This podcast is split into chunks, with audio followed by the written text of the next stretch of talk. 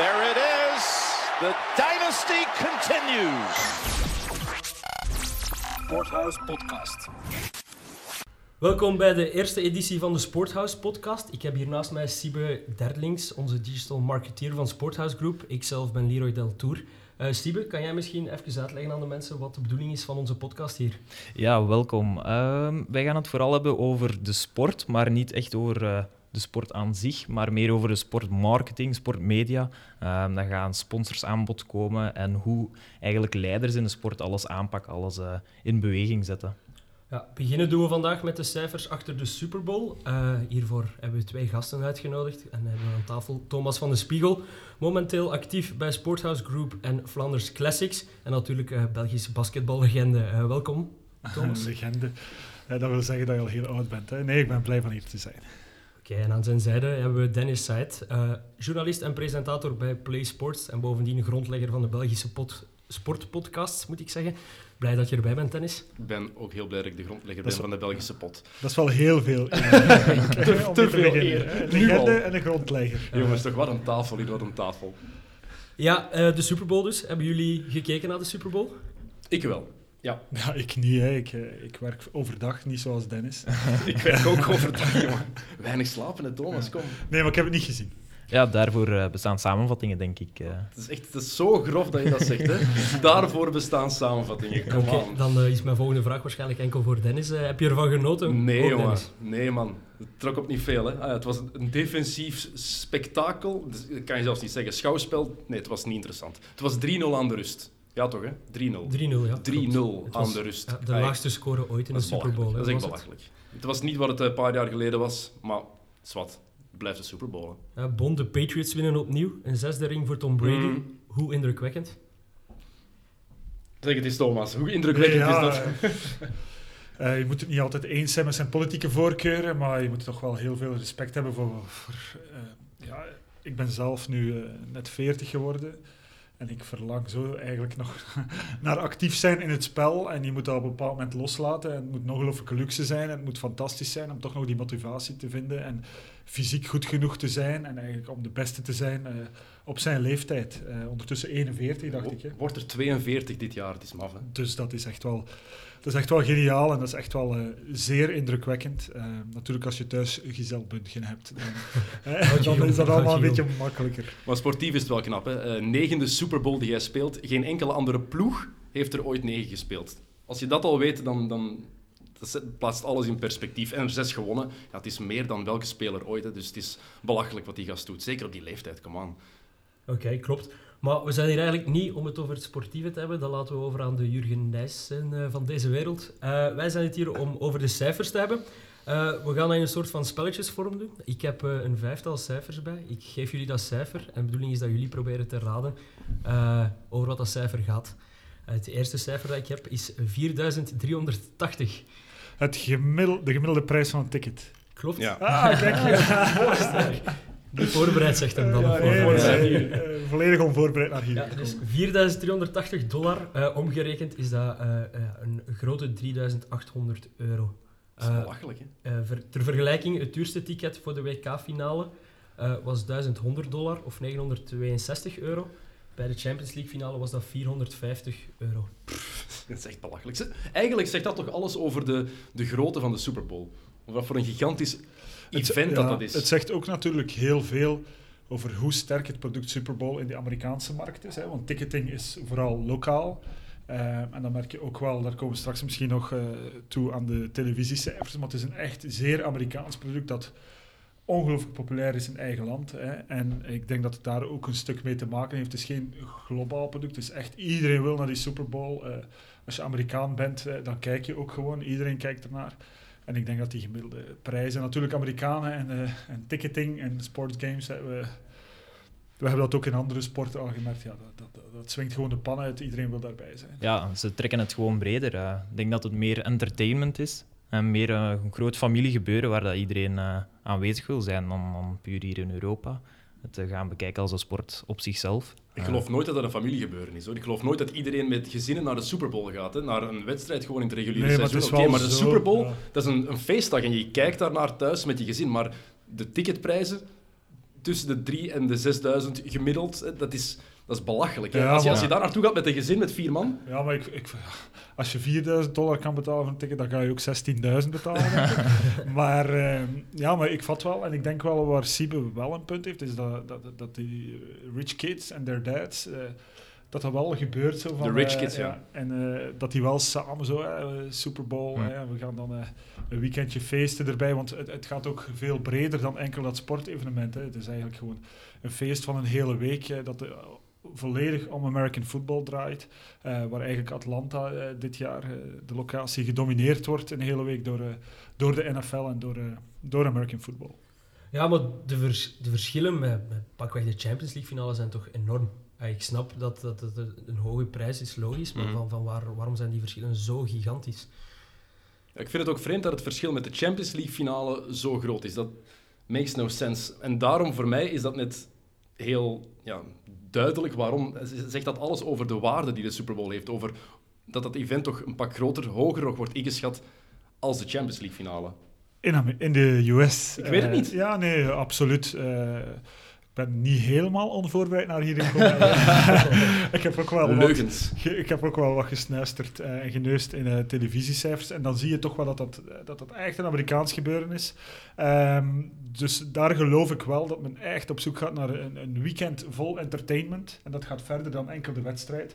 En dat men daar ook gewoon een heel groot budget voor vrijmaakt. Als je hier zegt, ik ga naar de Champions League finale, dan is dat heel vaak in en out. hè. Je wil gewoon de wedstrijd zien en je komt terug. Je maakt Ja, dat niet... want- want inderdaad, in die prijs zit ook zo de beleving. Je hebt zo tailgate vooraf, Ja. dus dat zit allemaal inbegrepen. Dat alles op die parking, een groot parkingfeest is dat zo'n tailgate. Alles zit daarin inbegrepen en zo, dus dat wel.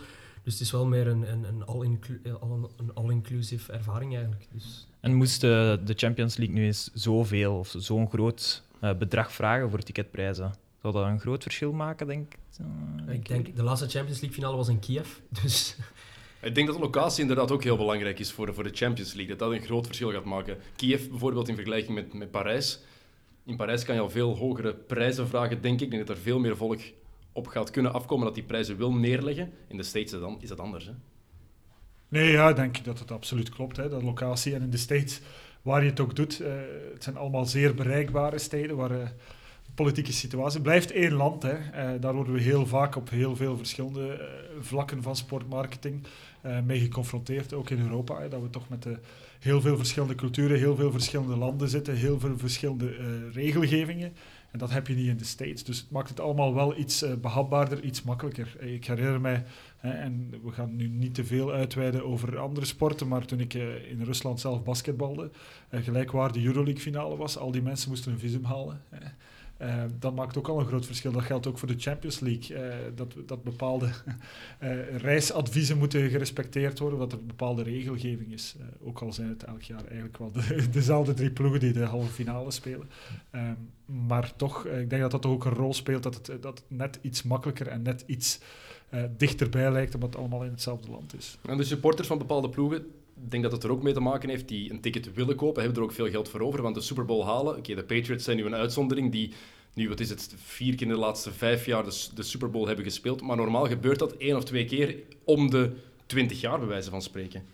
Dus ik denk dat dat ook een grote rol speelt. Oké, het goede nieuws is wel, daar, eh, eh, de mensen die een duur ticketje betaald hebben, konden wel op medelijden reken- rekenen van, eh, van de grote baas van de Falcons, want het was in Atlanta, in het stadion van de Atlanta Falcons. Eh hotdogs waren een pak betaalbaarder, en een pintje bier ook. Eh, hoeveel denken jullie dat was voor een pintje bier? Eigenlijk is het omgekeerd, quiz. Hè. Normaal geef je, Ja, geef ja. je eigen getal en moeten wij zeggen waar het was. 8 dollar. Nee, dat is te weinig, man. De 8 dollar is in een gewone NBA-match is het 8 à 10 dollar, denk ik. Voor de Super Bowl moet dat toch Ja, je zegt dat meervalt. 14. Nee, 20. nee, het was 5 dollar voor een pintje. Vijf maar, Echt man. een, een, een van. geste van de voorzitter Het was van, van de 0,0. eigenaar. Wauw. Een geste van de eigenaar van de Falcons. Die dacht van, als de mensen al zoveel betaald hebben, moet hun bier en hun eh, eten hier betaalbaar zijn. Een hotdog, 2 dollar. Allee, jong. En, en er zat alcohol in het bier. Eh, dat denk ik wel, ja. dat is bij de Champions League en bij alles wat UEFA doet op vandaag, is het allemaal alcoholvrij. is hè. We vreselijk. moeten politiek correct zijn, eh, denk ik. En, eh, ik versta het ergens wel, maar tegelijkertijd, en zeker als Belg, eh, raakt het toch wel aan je beleving. Eh, en dat risico heb je niet hè, bij Amerikaanse sportwedstrijden, waar je een menukaart hebt van eh 15 pagina's waar je kan kiezen uit eten en drinken en niet zo een droog frietje zoals hier. Ja, echt. In, ik- in Madison Square Garden kan je bijvoorbeeld zelfs eh, drie sterke Belgische bieren drinken. Dus een speciale stand met onder andere, denk, Leffe en Hoegaarden Leffe, ja. dat ze daar al hebben. En dan en nog, nog een triple. Wat redelijk straf is. Ja, een van de bekendste eh, sportstweeters hè, is eh, Darren Rovell, die vooral gespecialiseerd is in alles dat de Amerikaanse sportmarketing is. Maar hij specialiseert ook in alles dat eten en drinken is in, eh, in venues in de States. Dus het is altijd wel de moeite om eens te volgen, want dan krijg je daar echt de gekste combinaties eh, plots voorgeschoteld eh, met de prijs. En dan denk je van, oké, je kan je niet voorstellen dat dat hier... Maar natuurlijk, eh, dat heeft er ook weer mee te maken met die hele beleving. Maar gaat niet enkel naar de wedstrijd. Oké, bij de Super Bowl is dat net iets anders. Maar naar een regular season game gaat men ook gewoon om lekker te, e- om te eten en te drinken en vrienden te zien. En ja, dat er daar ook nog gesport wordt, is af en toe bijkomstig. Oké, tot slot nog heel kort rond dit. Denken jullie dat voetbal in Europa ooit dat verschil kan dichtrijden? Ik denk dat we sowieso ehm, aan het evolueren zijn naar nog meer. En het is al tien jaar dat men praat over eh, de experience eh, eh, rond eh, sportbeleving en rond sportmanifestaties. Maar ik zie toch dat we daar nog altijd stappen in aan het zetten zijn en dat we daar meer en meer naartoe zullen moeten, omdat je sowieso in het huidige landschap meer moet gaan differentiëren van anderen. De, de, de keuze is zodanig groot geworden in, eh, in de vrije tijdsbesteding dat men er moet voor zorgen dat iemand die een wedstrijd bijwoont, eh, gelijk van welke sport, dat hij naar huis gaat en denkt van ik heb dit was mijn best mogelijke invulling van mijn avond eh, die ik me kon wensen. Dus ja, je bent verplicht eigenlijk om van sport echt een, een volledige totaalbeleving te maken en, en, en, en ik denk dat dat gaat blijven.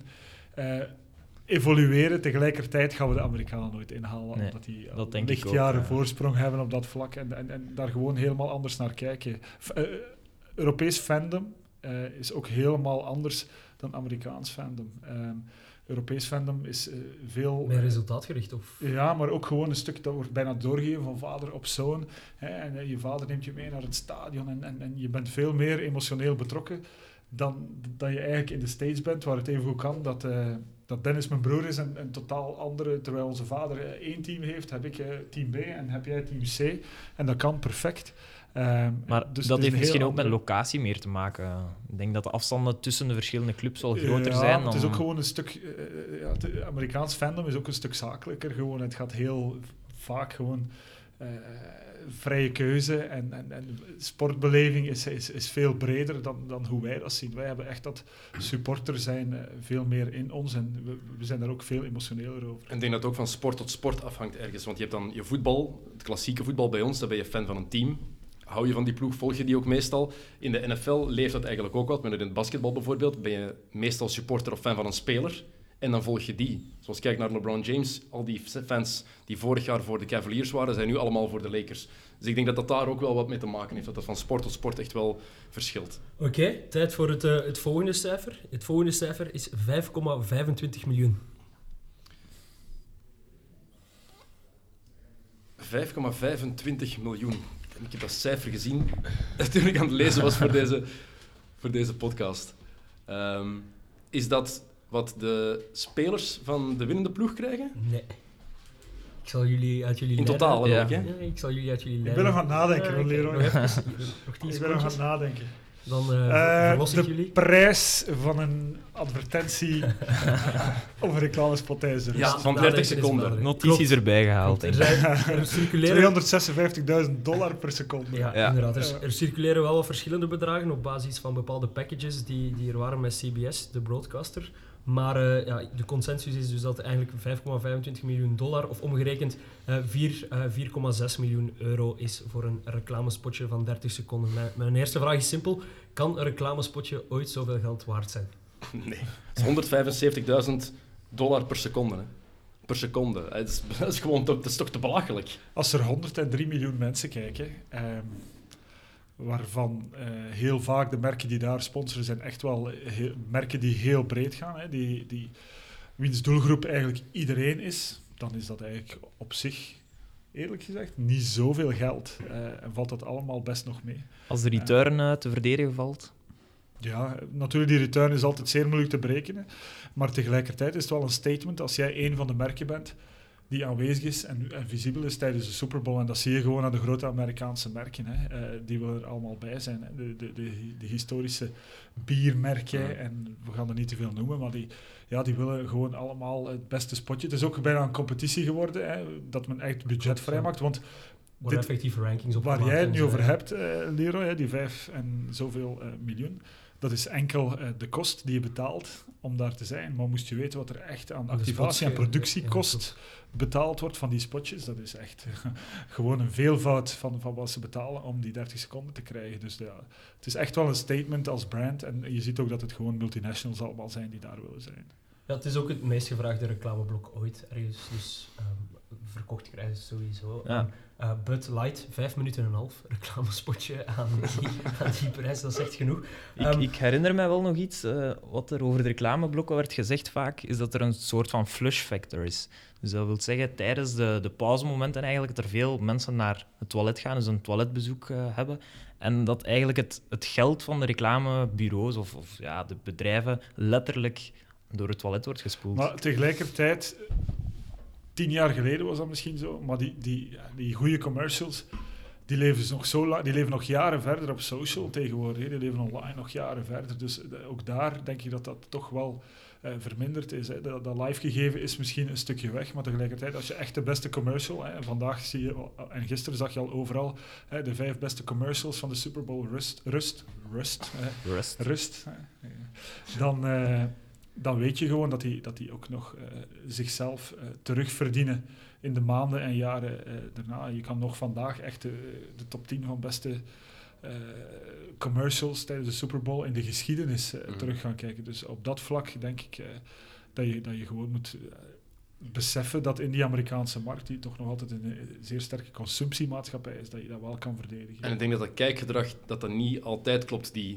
die flush-momenten dan, ja. er- dat zijn heel vaak de mannen die de mannen die naar de sport echt willen kijken, maar zijn, je hoort dat vaak in Amerikaanse eh, andere podcasts en media. Er zijn vrouwen die net naar de Super Bowl kijken, enkel en alleen voor de commercials. Ja. Die En net- die gaan naar het toilet tijdens Voilà. de sport. Voilà, inderdaad. En die gebruiken de andere momenten, dus die kijken met een heel ander doel. Dus het hoort er gewoon bij. Het is een deel van de entertainment eigenlijk ook geworden. Eh, hoe jammer vinden jullie dat wij die niet live kunnen zien? Dat die commercials niet tot bij ons komen? Maar Leroy, ik heb niet gekeken, dus... maar tegelijkertijd, ja, ook hier leeft dat wel enorm. Hè. Ik denk dat, dat we ook hier wel zitten te wachten op die goede commercials. Ehm, Ik, ik herinner mij wel eh, op social media nog een actie, ik denk 2014, 15 van Volvo. En die had eigenlijk een, een Volvo-contest, als het ware, uitgeschreven op, op Twitter was dat. En elk moment dat er een eh, commercial was van een ander automerk, kon er getweet worden Volvo Contest. En eh, kon je zeggen aan wie je een Volvo wou schenken. En zo hebben die eigenlijk volledig eh, de reclameblokken van de automerken gestolen.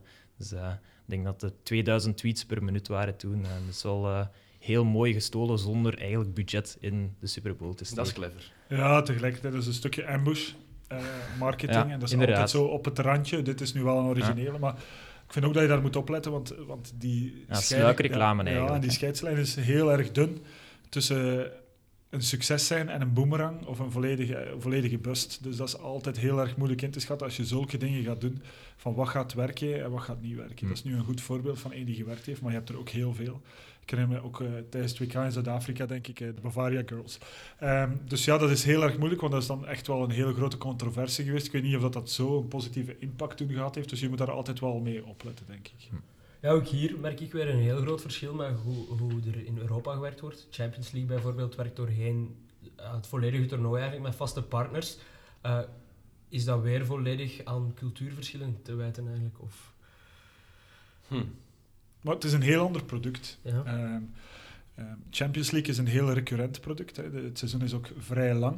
Eh, het claimt ook vaste tijdslots. Dus het is echt een een product van gewenning. Tegenwoordig weten we echt van dinsdag, woensdag is Champions League. Als er voetbal is, weet Mhm. je dat gewoon. Is Champions League, donderdag is Europa dat is zo in NFL ook zo. En dat is, Eh, ja, dat is eigenlijk een, een heel recurrent uh-huh. eh, gegeven. En, en tijdens de regular season in de NFL heb je dat ook wel. Ehm, Ja. Dus, dus dat, daar verschillen ze gewoon. eh, omdat, je, omdat je ook ehm, die, die finale is gewoon een stuk groter, waardoor ze die echt apart gaan marketen. Het is echt een apart product geworden, de Super Bowl. Terwijl de, de Champions League finale is eigenlijk gewoon de culminatie van het toernooi. Het is echt ook een, eh, een heel andere gegeven. Voor ons helemaal anders ook, want je hebt een vast aantal teams. Je hebt de vaste teams in de NFL, die kunnen niet veranderen. In de Champions League weet je nooit welke ploegen. Kijk, je verwacht elk jaar Real en Man U en ehm, Chelsea en Barcelona verwacht je elk jaar in de Champions League, maar voor hetzelfde geld zijn, ontbreken ze een jaar in de NFL, is dat helemaal anders. Dus die kunnen hun eigen sponsors ook veel meer gebruiken dan het mogelijk is in, eh, in Europa. Ja, en als, als Champions League finale mik je natuurlijk ook op meer verschillende landen in plaats van één grote Amerikaanse markt, waar, waar dat cultuurverschillen wat beperkter zijn dan in alle verschillende Europese landen. Oké, eh, tijd voor, onze, eh, voor ons volgende cijfer dan. Zijn we klaar? Eh, het, Zeg het eens. het volgende cijfer is 0. Nul. Punten na het eerste kwart. Nee, het is, Dat vond eh, ik wel een goeie. Ja, het is juist, hè? ja. Daar kunnen we niet zoveel over vertellen. Hè. Het was ja, slecht. Gewoon dat slecht. 0 euro? Nee, niemand? Nul Nul euro. euro. Ja, dat is Maroon 5. Ah ja, inderdaad. Ja, de ja, halftime. absoluut show. de halftime show. Eh, ja, die komen dus gratis optreden. Zou dat echt... Eh, Dat wordt zo gezegd, maar zou dat het echt... wordt toch officieel gecommuniceerd door Ja, zowel maar bands als, eh, bands als eh, door Ik geloof niet alles, wat, ik geloof niet alles wat een organisatie als de NFL vertelt. Ik herinner wordt mij wordt WK wel- Rusland wel. wordt Robbie wel Williams die toen zei van ik doe dit gratis tijdens de live show. Ja, dat geloof ik wel. Ik wou zeggen. Robert Williams geloof ik ook Maar Er wordt wel wat geld aan goede doelen en zo geschonken op, op verzoek van de artiesten en zo. Maar En de hele productie wordt En betaald de voor productie hen. en de kosten worden allemaal eh, gecoverd En inderdaad. een heel weekend feest. hè, Dus, ja, ik vind dat heel straf. Een paar jaar geleden was Beyoncé daar, een paar jaar even geleden. Ja, dat Beyoncé dat die dat helemaal gratis zou doen. Wat vonden we aan de halftime show nu? Misschien moeten we ze, moeten we ze, moeten Ja, ze dus- terug hun artiesten gaan betalen. Dus het was ook geen vette, hè. Waarom... eh, Maroon 5 zit in een stad als Atlanta. Een, dat is een, een baken voor hip-hop in de VS. Met, zijn, nu hebben ze een paar. Ze hebben eh, Big Boy van Outkast is meekomen doen en Travis Scott. Dus twee jongens toch. Maar je kan er zoveel meer namen. Migos komt van Atlanta. Je kan zoveel namen opnoemen die veel meer bij die sport passen. Natuurlijk, veel mensen hebben ook geweigerd door het hele Kaepernick-gedoe. Maar Maroon 5. Ai, en ja, het was ook... Ja, Ik, eh, 5, hè. ik, ik moet eerlijk zeggen, naar de halftime show heb ik ook niet gekeken. Flush Factor of zo. Heb je een half uur op het toilet gezeten? Het was nodig, ja. een half uur. Die vier liter bier van de eerste helft. En In slaap gevallen op En het dan toilet of ervoor een gehad. Dus, Burgers gaan halen, honger tijdens de rust. Eh, eh, ja, nee, het gaat zelfs wat verder ook. De NFL heeft zelfs ooit overwogen om geld te vragen om te performen in de halftime show. Eh, dingen die daarvoor eh, aangehaald worden zijn ehm, hoe, hoe de platenverkoop en dergelijke explodeert na, na een performance in de Super Bowl. Ja, platenverkoop is misschien wel een achterhaalde term tegenwoordig, maar dus streaming en zo. Bij Justin Timberlake eh, was dat 534% Bij Lady Gaga 1000% in de drie, vier dagen na een performance in de Super Bowl. Rechtvaardigt dat dan om gratis te gaan maar ik denk dat dat voor iemand als Prince bijvoorbeeld dat dat geen verschil gemaakt heeft voor zijn verkoop. Van, ik denk dat dat echt van gast tot gast afhangt. Als je zo'n legende bent, maakt dat weinig verschil, denk ik. Ja, en hoe groot is het voor een artiest om te kunnen zeggen van ik heb op de Super Bowl gestaan? Is dat, als nu Maroon 5 daar staat, met alle respect, Mhm.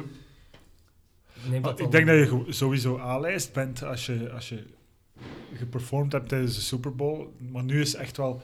Het was gewoon een zeer uitzonderlijke situatie, hè, want het was echt krabben om mensen te vinden eh, die wilden optreden. Maar natuurlijk, als je, als je de longlist bekijkt van, de, van wie er allemaal heeft opgetreden in het verleden Super Bowl, ja, dan, dan, zie je dat dat allemaal eh, wereldsterren zijn, of zeker eh, A-list-sterren in de States. Dus ja, het is wel, het is wel big. Tegelijkertijd eh, zit niemand er echt ook op te wachten. Dus het is altijd zo wat afwegen van... eh, als, je, als je aan mensen vraagt van eh, geef mij tien artiesten die in de laatste twintig jaar opgetreden hebben, dan zeg je gewoon de, de bekendste die je kent en dan zal je er wel min of meer op zijn. Maar niemand herinnert zich dat, dat nog, behalve de nippelslip denk ik van Janet Jackson. Eh, met Justin Timberlake weet niemand nog wie, wie, wie, wie, die wie dat entertainment verzorgt. Dus op zich, Prince En wordt wel vaak. Ja, Prince Toch, nu wel. meestal wordt die vaak En nu. Maroon 5 zal ook heel lang meegaan, omdat er nu heel veel natuurlijk. rond was. Maar, Maar eh, die mag zijn tepels wel laten zien. Adam Levine. En Janet Jackson mag dat niet. Dat is niet eerlijk, hè? dat is gewoon niet eerlijk, hè? Want er, het ergen is dat eigenlijk de beste performance van de rust SpongeBob was. Hè? SpongeBob SquarePants heeft Travis Scott aangekondigd en iedereen is erover eens dat was het beste van de hele rust. Ja, dat is erg, hè? Dan weet je al genoeg. zegt inderdaad veel. Ehm, Even de keerzijde van de me- medaille van een halftime show. Dat betekent dat de rust een pak langer is dan normaal. Thomas, jij als ex-topsporter, hoe, hoe, hoe moet dat zijn voor die Ik sporters? vind dat dramatisch eigenlijk. eh, omdat je volledig... eh, uit- je moet echt in the moment proberen blijven. En hoe Maar die douchen allemaal, duurt- Ja, ja, ja, Die pakken echt allemaal opnieuw een douche en dan Echt? kleden ze... Ja, die Ja, kleden die- en die warmen opnieuw op. Op de hè. fiets Ja, eh, in de kleedkamer. nieuwe kleren aan, Eerst, Ja. eerst echt cooling down en dan... douchen. Ja, ja. ook gewoon omdat je bent drijfnat en hoe langer dat, dat Ja, dat duurt, je krijgt echt wel koud. Je gaat echt wel, zelfs al is het warm, ga je koud krijgen op een bepaald moment. Is het mentaal niet nog zwaarder dan fysiek? Ja, je, je bent er natuurlijk wel op voorbereid. Wat, wat mentaal het zwaarst is, zou zijn hè, dat, dat er rust is en dat er iets gebeurt. Wordt het de rust in plaats van een kwartier, een uur en een kwartier. En dat je er Ja. mentaal niet op voorbereid bent, dan is dat een hele moeilijke. Want nu weet je perfect. eh, Zo lang. Het is getimed tot op de minuut, tot op de seconde waarschijnlijk ook in. Dus je weet, je weet perfect waar je voor staat en, en, en, en- en je weet ook dat het andere team net hetzelfde eh, moet doen. Dus het is niet dat je benadeeld wordt. Maar, maar het is niet tof. Eh, net zoals het hele, ja, de, de hele Super Bowl. Het gaat niet alleen over de rust, maar duurt allemaal net iets langer. De Eh, kunst om eh, de randzaken uit te sluiten. eigenlijk. dus dat is echt een hele moeilijke. Je kan eigenlijk als atleet eh, geen vier uur je focus houden. Eh, en dat geldt ook voor andere, eh, zeker Amerikaanse sporten. Hè. Eh, eh, dat, het, dat het super moeilijk is om, om, om heel die periode je focus te houden. En je moet, daar echt aan, je moet echt je lichaam daaraan gewoon proberen maken. Net zoals er coaches zijn die, die, die wedstrijden gaan simuleren tijdens de training, ben ik er zeker van dat ze echt trainingen doen die even lang duren dan de, dan de Super Bowl. Ze zien het ook als twee wedstrijden. trainen, ja. Ze zien het ook echt als twee aparte wedstrijden, de eerste en de tweede helft. Daarom opnieuw een hele routine om je voor te bereiden. Maar Toevallig tegen dezelfde tegenstander. Ja, je, begint niet bij 0-0.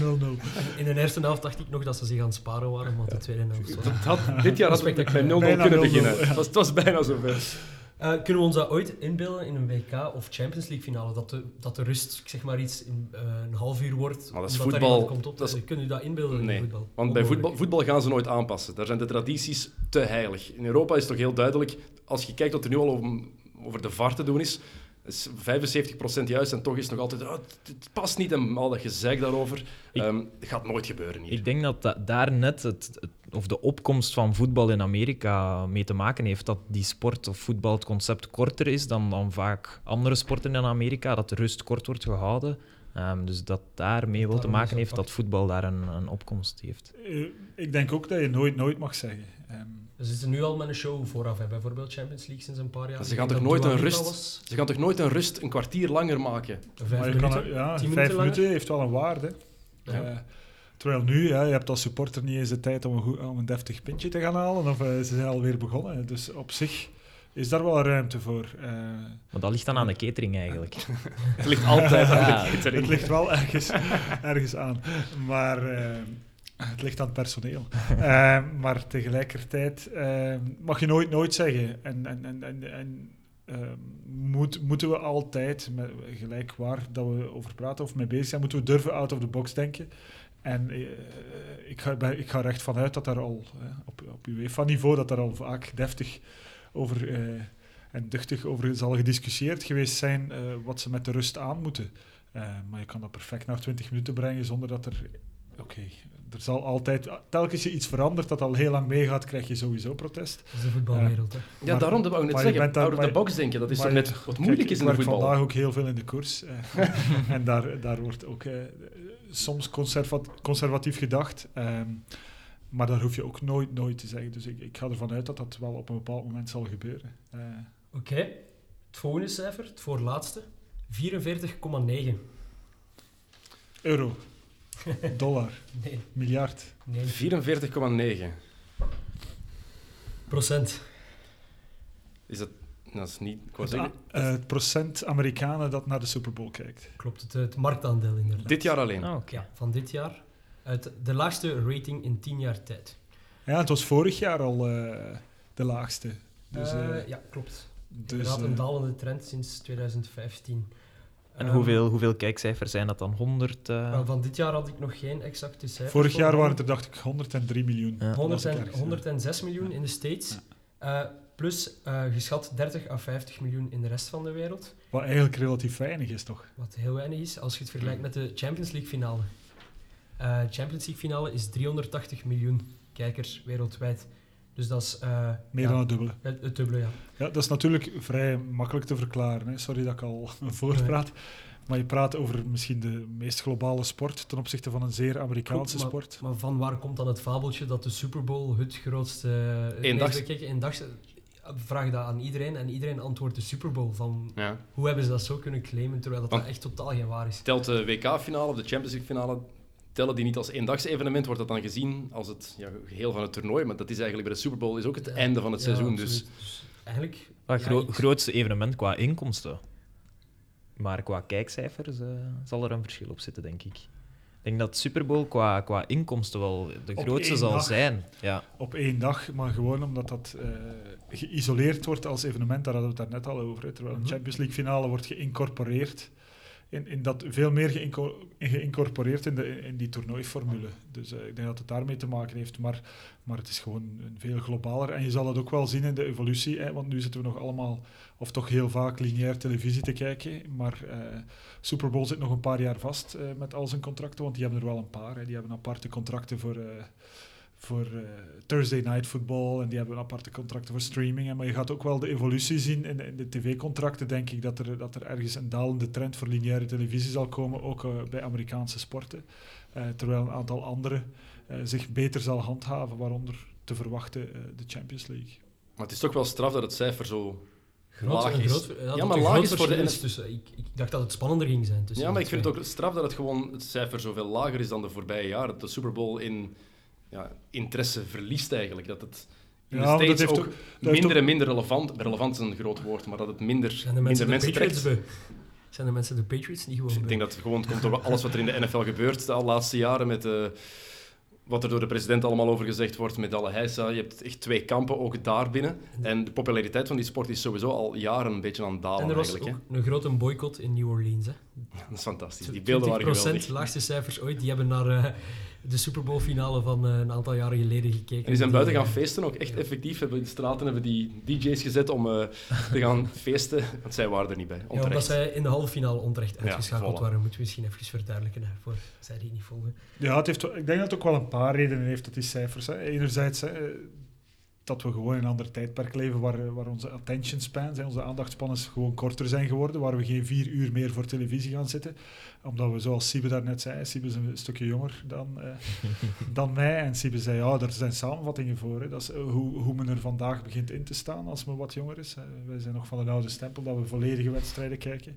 Ehm, anderzijds heeft het ook te maken, denk ik, met gewoon eh, wat de NFL uitstraalt. Hè. Het straalt een zeer conservatief imago uit, niet alleen politiek, maar ook alles dat er gebeurt. Hè. De commissioner is zeer oldschool. Ehm staat ook heel vaak ter discussie, is niet, maakt zich niet populair. Dus dat heeft er ook wel een stuk mee te maken. Oké, dan eh, is het tijd voor ons laatste cijfer. Dat is puur een uitsmijter, dus daar gaan we niet heel lang over Het is om te lachen nu. over uitweiden. 1,35 miljard. Miljard. Ja. 1,35 miljard. Enkel de Super Bowl. Hm. Ik zie Thomas in zijn papieren kijken. Nee, ik heb het niet. Ik ook niet precies. Oké, dus ja, zoals ik zei, een uitsmijter. Het is, is het schatte aantal eh, chicken wings dat wordt gezegd. Ah, ja, ja, maar die is ik super, passeren Dat zijn dus heel wat kippen als je dat malt. Ja, dat zijn heel wat kippen. Ehm, ja, eh, ook een cijfer dat daarbij wordt. Hoeveel blikjes bier zouden er in de States gedronken worden? Dus er, kijkt 100 miljoen, er kijken 100 miljoen mensen. Uh-huh. Laat ons zeggen dat die allemaal toch een pintje per uur drinken. Hè? Maar er zitten ook wel wat minderjarigen tussen, hè, denk ik. Ja. Min 21-jarigen. Hè? Want, Nee, eh, inderdaad. een, eh, 250 miljoen pintjes. Nee, het is teleurstellender. Het is, eh, het is 50 miljoen blikjes bier. Wow. Wordt er maar geschat. dat zijn er van een liter. Hè, Ja, waarschijnlijk.